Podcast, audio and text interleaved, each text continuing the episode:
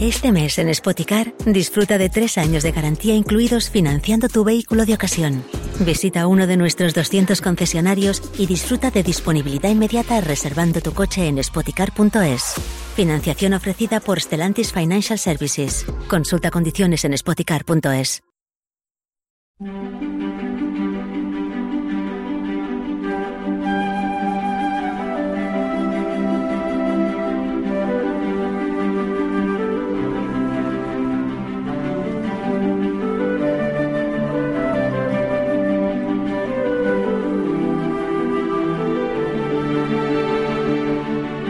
Arribats a aquesta hora del matí, quan sona aquesta melodia, ens traslladem eh, inevitablement cap a un raconet que ens encanta, perquè segur que és aquesta hora entre intempestiva i plàcida, i això només pot voler dir que és hora de desplaçar-nos a un carreró eh, empedrat, dels pocs que queden al país, al final del qual hi ha un edifici sense altes pretensions arquitectòniques o artístiques i que amaga el seu interior. Darrere una porta immensa eh, una pila de meravelles. És el Basar de les Sorpreses.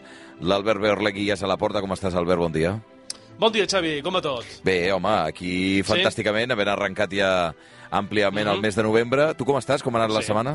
Bé, molt entretinguda, la veritat és que ha sigut eh, bastant intensa. Uh, bé, a veure, hi ha de tot, eh? Clar, aquesta setmana clar, hi ha coses bones i coses no tan bones, Fa, eh? Fas, fas com mala cara? Pots... Sí. Uh, fas mala cara? Sí, què, què ha passat? Què Finalment, passat? Et veig no... l'amenaça se converteix en una realitat. No, no, no, no, no. Tal com va dir el papa, no sé si era Pius Desè, quan va saber els secrets de Fàtima, no vull ser portador de males notícies. Ai, ai, ai, ai, però... ai, no, eh? Sí, sí. Mira, tu te... Mira, aquí, el tens aquí, vete. Només has d'apretar. El botó? aquest botó vermell, sí.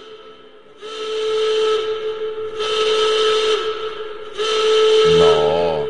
Sí. Sí? Sí, Xavi, sí. sí. Oi, oi, podem parar-lo ja? Preta, no, no, no, no, no, no, que soni, que soni per tot Catalunya. Que tot Catalunya se n'enteri que ja hem activat el pluricocat.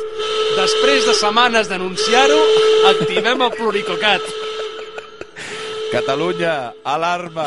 No, jo no volia arribar a aquest moment tan penós i tan lamentable. Jo tampoc, jo tampoc, Xavi, jo tampoc, sí, tu, sí, però... tu hi ha un punt que t'agrada, arribar a aquest, aquest lament eh, patètic de, davant l'antena i del micro. O sigui, eh, ara feia, feia bastant de temps que no activàvem l'alerta. Sí, molt. I, i torna, que... torna, torna, torna a apretar no, botó, torna no a apretar el botó, que no, poder bueno, no se n'ha enterat. Va. Ara, ara, molt bé.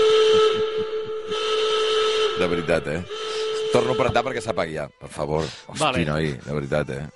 O sigui, Sí, per sí, la sí, gent sí, que no sí, estigui avasada, perquè potser la gent no ho sap, Sí, clar, és que... ja, perquè ara feia dies que no activàvem el pluricocat, eh, l'Albert es torna en una, en una bèstia diferent quan arriba aquest moment. Es torna en Albert Plorategui. És un senyor que normalment és molt decent, molt, molt digne, i de cop perd abs- l'absoluta dignitat eh, quan veu que ja pràcticament no arriben cartes, no?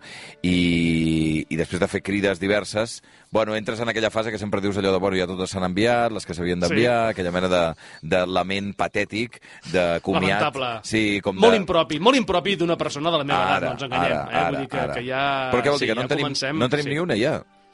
No, a veure, perquè aquesta setmana sí, eh? Jo em sembla que per la setmana que ve alguna, com a mínim alguna sí que en tenim Però també, ja eh? està, Però, eh? eh, Però ja, ja està, eh? ja s'ha acabat el, Sí, sí, sí, sí, sí. el flow ja, i el riu de cartes ja s'ha aturat, eh? La sequera ha arribat, eh?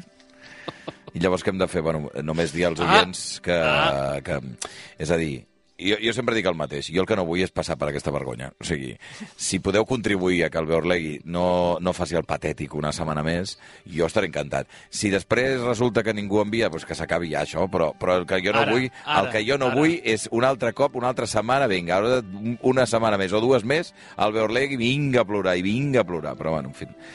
Eh, que sapigueu que el correu és el mateix, si voleu enviar cartes, al Basar de les Sorpreses, a Avinguda Diagonal 477, planta número 15, codi postal 08036 de Barcelona, i el compromís és el mateix de sempre, que és llegir-les totes, les, les que queden, i respondre-les una, una per una. Vale, bé, i la, la primera. La primera ens arriba des de... amb un sobre groguenc, ens arriba des de Barcelona, ens l'envia la Montserrat a Montoliu i eh, anem a procedir a la seva obertura. És una sobre amb una lletra, amb una cal·ligrafia, eh, diguem-ne, manuscrita. A veure, que això no s'acaba de treure. Ah, això mateix. I de dins, mira, extraiem un full de cartilla de color verd que podem llegir el següent. Barcelona, 25 de setembre del 2023. Benvinguts a Xavi i Albert. Us escolto ja fa temps, en aquella hora, com dieu vosaltres, plàcida, i per mi mai intempestiva, des del llit estant.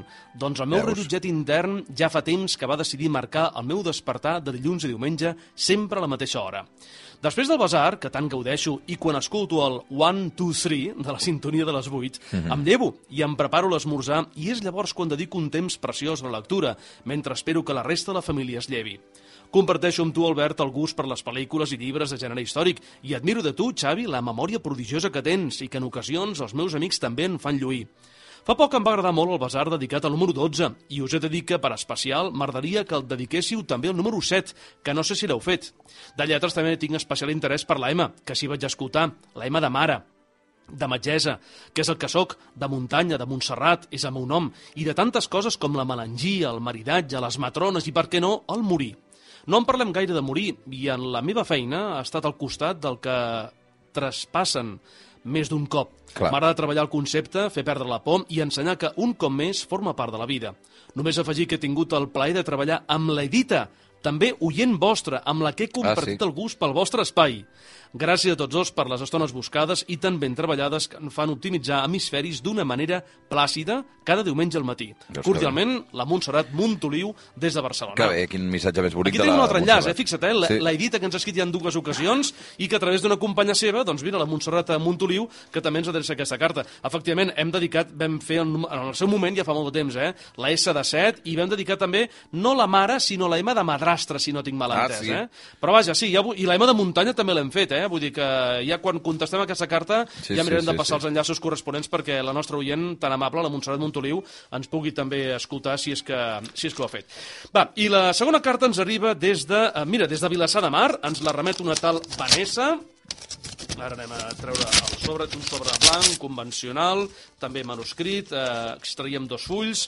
Bon dia, Albert i Xavi. Avui ha succeït una cosa que ha fet que diumenge, 15 d'octubre, al matí, estigui asseguda escrivint aquestes línies. I us ho explico. Durant temps escoltava el basar de manera ocasional, i això va canviar al febrer del 2020, quan vaig escoltar la carta del Xavier, el noi que parlava de les seves addiccions. Ah, Vaig parar, vaig seure i, com vosaltres, em vaig emocionar. Que ben escrita, que ben llegida, jo també vaig quedar fora de joc. Així va ser com vaig descobrir la màgia del basar, de la que tantes vegades parleu. La recordo bé, va ser la primera que em va emocionar, però no va ser la última. Vaig recuperar tots els podcasts enganxant-me a les vostres converses, a les vostres complicitats, i des d'aleshores fins avui. Heu parlat del Xavier i la seva carta en diverses ocasions i us ho prometo, sempre he pensat, aquest noi té una entrevista. Ahir no vaig poder escoltar la ràdio, però al basar d'avui us he sentit comentar sobre la conversa d'ahir amb el Xavier. He esmorzat escoltant-la i ho he pres com un senyal que ara sí, ara és el moment de la meva carta. Potser una carta insignificant, però he trobat la millor manera d'agrair-vos aquest lloc, aquest moment que tant gaudeixo del diumenge, on em permeto parar-ho tot una estona només pensant en quina carta i paraula heu escollit avui. No voldria fer la carta molt llarga, però no me'n puc estar de saludar els pares, al Martí i a la Maria, els únics coneixedors que he escrit aquesta carta. Va ser maco descobrir no fa gaire que, com jo, són seguidors també del Basar. Espero estiguin com jo emocionats escoltant la meva carta. Llarga vida al Basar, la Vanessa, 15 d'octubre del 2023 des de Vilassar de Mar. Veus com val la pena eh, escriure cartes? Eh, mira, hi ha, hi ha una cosa que, que, que sí que és veritat i ens va passar fa també la setmana passada o l'anterior, quan un oient ens va explicar una intimitat molt gran eh, de la seva família, molt, una, una tragèdia, de fet. Eh, mai, mai saps, no? Eh, igual que nosaltres quan fem eh, el basar de les sorpreses mai sabem qui és exactament qui ho rep i en quines circumstàncies, enviar una carta amb una història determinada o amb, una, amb un detall eh, que pot semblar eh, insignificant, eh, mai saps a on pot anar a parar. És com eh, la referència que fèiem la setmana passada de llançar una, una ampolla amb un missatge dins, del, eh, a dins i enviar-la al mar, no? Mai saps qui la rebrà, quines circumstàncies, eh, què, què, què provocarà, no? Per tant, eh, bueno, jo des d'aquí senzillament, ja per no insistir més amb el tema, sí que és veritat que convido a tothom que, que vulgui i que li faci il·lusió que escrigui cartes, que és una cosa molt eh, que sembla del segle passat, però que continua tenint la vigència i intensitat emo emotiva molt més que qualsevol altre tipus de missatge i, i que mai saps on pot anar a parar no? i quines conseqüències pot tenir. Per tant, des d'aquí agraïm, evidentment, la Montserrat i la Vanessa i a tota la gent que, que ha seguit escrivint cartes. Bé, eh, ja tenim el Beorlegui allà, Sí, tant. bandereta, fàcil, fàcil, fàcil, fàcil aquesta, Sí. tres Va, avui sí, franges, eh? eh, europea, eh? negra, groga, vermella, això és Alemanya, que ara fa dies que no hi Correcte. anàvem, eh?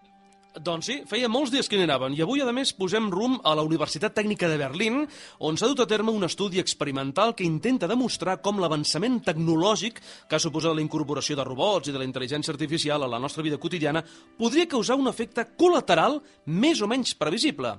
Ens pot fer a tots plegats més mandrosos. Ui. L'experiment ha consistit en una conversa on un periodista parlava, així entre cometes, amb un robot. Va, estàs a punt? Sí. Doncs apa, som-hi.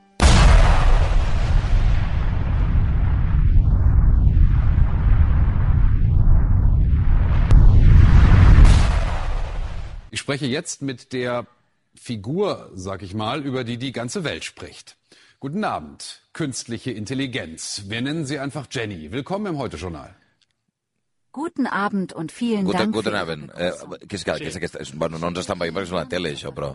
Ah, Mhm. Està bé que, que avui no ens hagis portat a l'exterior, perquè jo començava Sí, a tenir... sí, la, jo, clar. eh, a veure, reivindico que potser la setmana passada amb la, i l'anterior, que ens has portat a llocs una mica freds i jo no anava ben tapat, igual vam provocar la fonia dels últims dies. Home, però, va. és que, a veure, el diumenge se't sentia fatal, sí, eh, Xavi? Ja ho que sé, no ja ens ja enganyem, sé. eh? Però això que és, estem en una sala amb una tele, que, Sí. és, què és això? És, és, un, és un informatiu o què és això? Correcte, sí, no? sí, és com una mena d'informatiu eh, i és una conversa entre un periodista, aquesta veu masculina que hem escoltat, eh, que entrevista aquest robot, que és la veu femenina. Podem Ah, escoltar una mica a més, ja veuràs. A veure. Und eine Hilfe für diejenigen zu sein, die meine Unterstützung benötigen. Es ist I wichtig zu parlen, betonen, parlen doncs això, d'aquesta nova frontera que està travessant la humanitat, que representa la intel·ligència artificial i la robòtica. Aquest estudi que s'ha presentat a la Universitat de Berlín apunta que durant uns anys, uns anys es cree que la millor manera d'aprofitar tots aquests avançaments no era substituir les persones per robots, que era un dels grans temors socials, sinó posar-los a treballar junts, de forma, diguem-ne, col·laborativa. Uh -huh. I, I llavors eh, han arribat a alguna conclusió o què? Sí, uh, uh, deies que, uh, doncs que es podria assolir quelcom que poder no era massa desitjat i ho han provat en una fàbrica de defectes de fabricació de plaques de circuit, on tant humans com robots comprovaven les peces. Es van fer dos grups amb el mateix nombre de peces defectuoses. Doncs bé, aquells treballadors que treballaven amb robots trobaven menys peces defectuoses Ah. que no pas aquells que ho feien sols. El que va portar a la conclusió que els primers se'n refiaven, per entendre'ns, els robots i, per tant, hi paraven menys atenció. Ah, que bona. Aquest fenomen, sí, sí, eh, anomenat ganduleria social, passa sovint amb les persones que treballen en equip. A veure, tots recordareu els treballs de classe que es feien en grup, Sí, en sí. què sempre hi havia aquell que noi semblava que tenia un os a l'esquena i només eh, anava al final i firmava, sí hi, o no? hi ha algú que la productivitat li cau quan no ha de fer el que toca, sí, sí. Sí, sempre hi ha aquell de l'excusa d'escaquejos i... Eh, Ai, eh, és que bueno, no i que al final Ai, quedat. demanava, demanava posar la signatura, el nom al final, saps? Sí, És que... Bueno, I què tremendo, has de dir llavors? tremendo. Ah, vull sí, mal company, Ui, llavors, sí, si no, eh? sí, vull sí, dir que... exacte. Bé, doncs, eh, ja veus, allò que ens passava a l'escola, ara ho hem hagut de veure amb robots per constatar-ho una vegada més. Eh, no sabem com es podrà gestionar el tema, però sí que ens dona això un punt de partida per un nou basar, el que fa el número 325, que dedicarem a aquest sentiment tan humà. Avui, doncs, la lletra M. La M de mandra.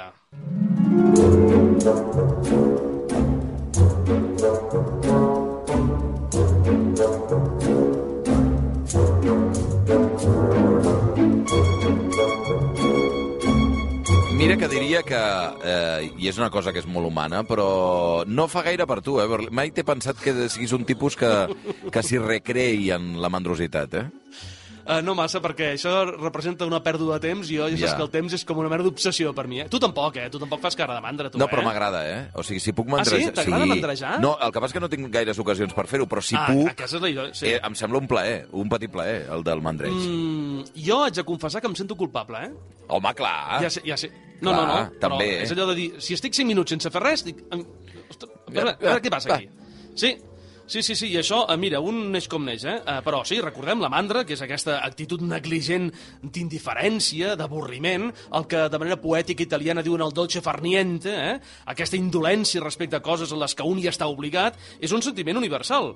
Alguns els assalta cada dia, just quan es lleven, i dura més o menys fins a la una del migdia, d'altres, la majoria, els dilluns quan són el despertador, i el sentiment, home, no ho negarem, resulta especialment cruel, colpidor i universal el primer dia després de les vacances. Siguin de l'estiu, sí. de Nadal o de Setmana Santa. Eh? Però vaja, també és veritat que hi ha qui té mandra les 24 hores al Sí, dia, senyor. els 365 dies de l'any, durant senyor. tota la seva vida. Sí, eh? sí, sí, sí. Hi ha alguns psicòlegs que apunten que al món prehistòric no hi havia mandra perquè l'home esmerçava les seves energies en l'instant en què tenia una necessitat. Si tenia gana, caçava. Si tenia set, bevia. No havia de treballar per un benefici futur, com és el que en tenim nosaltres, que ens aixequem cada dia per guanyar-nos les garrofes a final de mes no havia de, de procrastinar, que és aquesta paraula que ara s'ha posat tan de moda. I és que la paraula mandra és una de les moltes que tenim en català per definir un concepte, però n'hi ha moltíssimes més, i algunes de ben enginyoses. Hombre, ja ha arribat el Sí. moment, Marcel i Sí, Virgília. sí, home, ja feia, feia temps que no teníem aquí, sí, sí o no? Eh, no, no, eh, no suficient de temps, però bueno, No? endavant.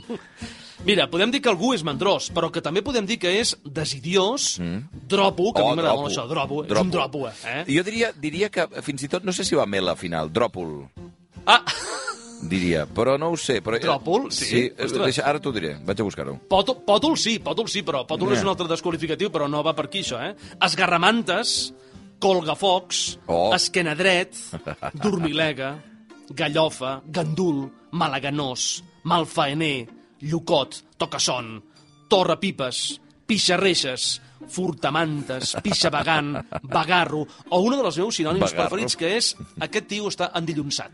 Oh! Està, estic, estic endillonsat. Endillonsat, eh? mira. Eh, confirmo que les dues són vàlides, eh? Dropo Ah, sí? i dròpol.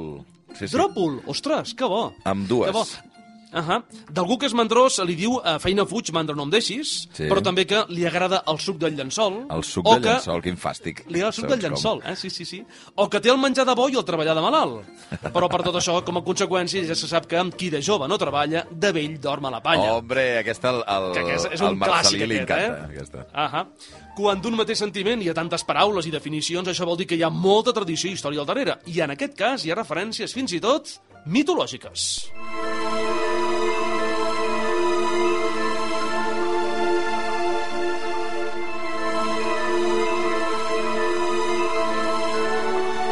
que de mandrosos tota la vida, eh? I a tota la història sí. de la humanitat, eh?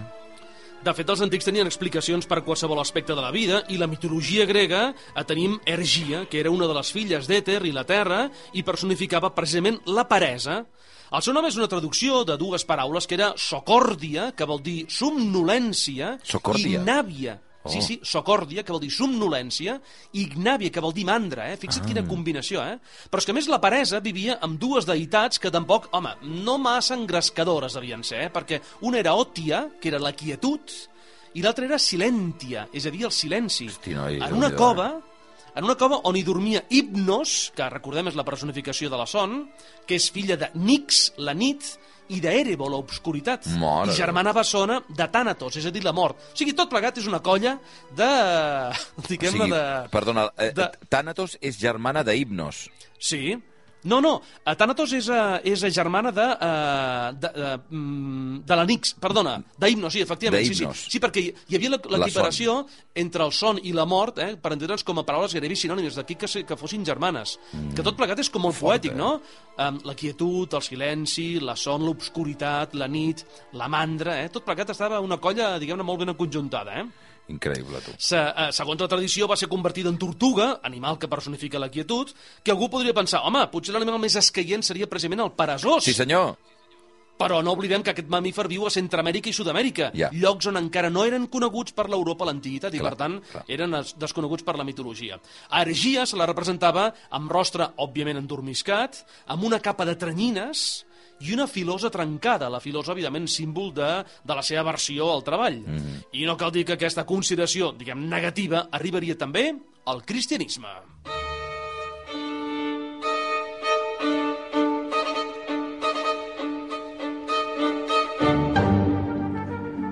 Aquí entra en joc ja els set pecats capitals, que jo és el que estava esperant des de feia estona, l'entrada de la Correcte. mandra, no? De la... Ahà. Sí, sí.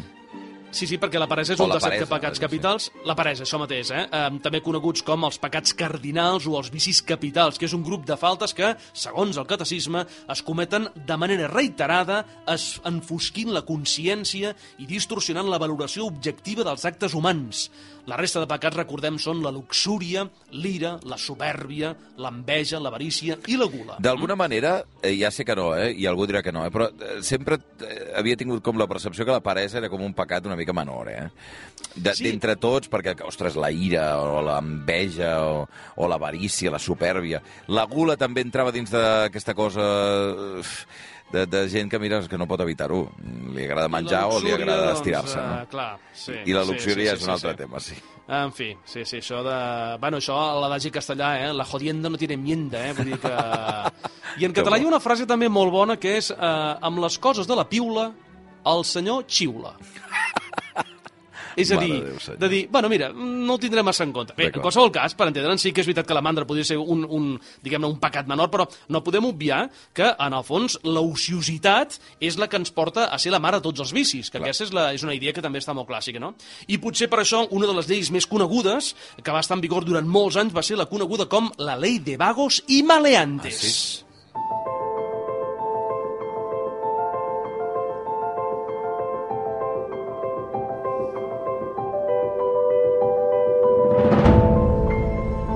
Fixa't, no?, que fos punible fins i tot la, uh, ser, va, Sí. sí. ser, ser vago, ser mandrós, no? Mm -hmm. Que no era ben bé així, no? Al final és una llei que, de totes maneres, tots vinculem bastant amb el franquisme, no?, amb la dictadura. Uh, sí, però uh, no és ben bé cert això, eh? perquè eh, la llei de vagos i maleantes no va ser una llei franquista, sinó que té el seu origen en temps de la República, l'any 1933. Que bo. I es referia al tractament de rodamons i nòmades. Coneguda com la gandula, és a dir, aquesta denominació popular d'aquesta llei, establia mesures de control i retenció d'individus suposadament perillosos. 20 anys més tard, el 1954, i ja el franquisme va ser modificada, incloent, a banda de rufianes i proxenetes, a los homosexuales. I llegeixo literalment, Ah, eh? no- Homosexuales, eh? Amb la X intercanviada amb la S, eh? Això era com figurava la llei, homosexuales. Ah, això homosexuals. O sigui, Hosti, imagina't... fort. Eh, a l'any 70 va ser substituïda i derogada per la llei de perillositat i rehabilitació social. Però fixa't que és una La- cosa molt interessant, això que estàs dient, perquè al final és com tots els... Eh, era com la llei dels viciosos, d'alguna manera, no? La, la lectura era com els, els, que, Sí. Els que feien vici, no? Eh, eh, però que sempre ha estat sospitosa l'actitud d'algú que no està fent res. Evidentment. Oi? O sigui, al carrer no pots no estar fent res, perquè alguna cosa amagues, o alguna cosa estàs tramant, o no ets una persona de fiar. Si estàs en un banc assegut sense fer res, o si et quedes parat en una cantonada sense fer res, ets sospitós automàticament, Mm, sí. a ulls de la societat. I més, evidentment, en un context eh, polític, però també, evidentment, social, en què, evidentment, el franquisme havia de vigilar, diguem-ne, qualsevol element Oh, de distorsió o de, o de versos lliures, no? És evident que la mandra i la vagància s'han associat a la vessant, diguem-ne, més negativa de la societat, però això no treu, evidentment, que hi hagi mm, què sé jo, grans artistes coneguts precisament per la seva indolència. I un dels més destacats va ser Rossini.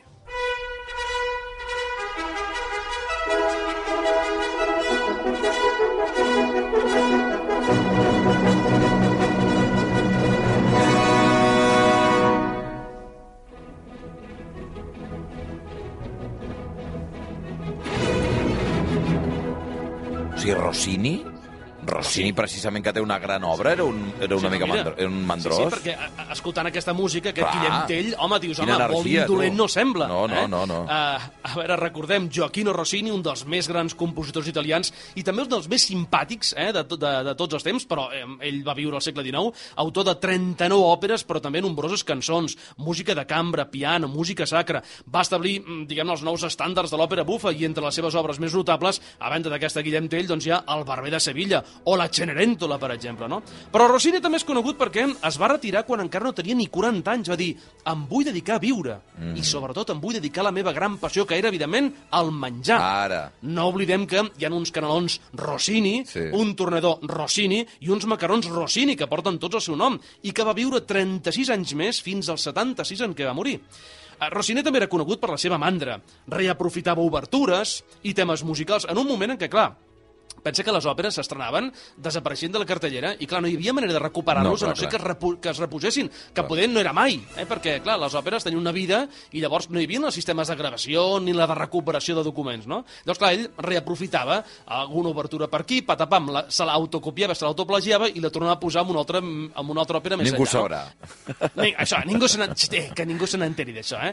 Però a més, clar, tampoc no va ser l'únic, eh? Molts compositors també ho feien, això. Però eh, um, ell celebra la, la, el seu costum, ell sempre componia al llit. Ah, sí? Ell componia sempre al llit. Mm. I és famosa l'anècdota de quan escrivia el seu preludi per piano, que un cop de vent, tenint la finestra oberta, li va fer caure la partitura a terra. Mm -hmm.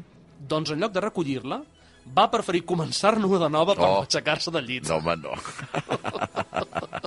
Brutal. Va, i ja que estem al llit, un quadre d'en cases on hi surt un, la mandra.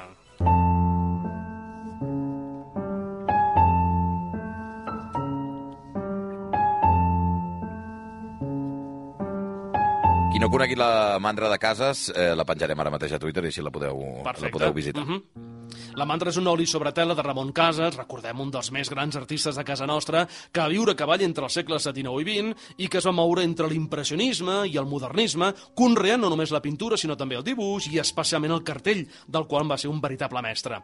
Una de les seves obres és precisament La mandra, on es veu una noia estirada al llit, en una postura entre indolent, pensativa, està vestida, el que fa pensar que senzillament, doncs això, està mandrejant. Eh? I ja que estem en art i hem passat per la música i la pintura, doncs què tal si fem una incursió a la literatura? Doncs anarem a l'Anglaterra del segle XIX.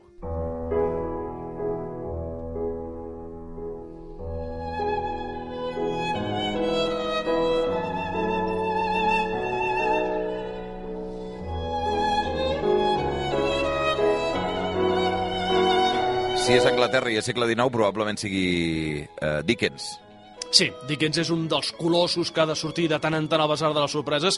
És un referent. Ara poder eh, començar la seva figura una altra vegada a ser reivindicada, però durant uns quants anys, eh, clar, eh, s'etiquetava com un tipus de literatura molt, molt pròpia de l'època, molt victoriana, que sí, que representa que evidenciava les xacres d'una societat, diguem-ne, també molt hipòcrita, molt carregada d'efectes, però representa un dels grans, dels grans autors, un dels grans mestres de, ja només de literatura, sinó, evidentment, de, de tot l'art en general. Eh?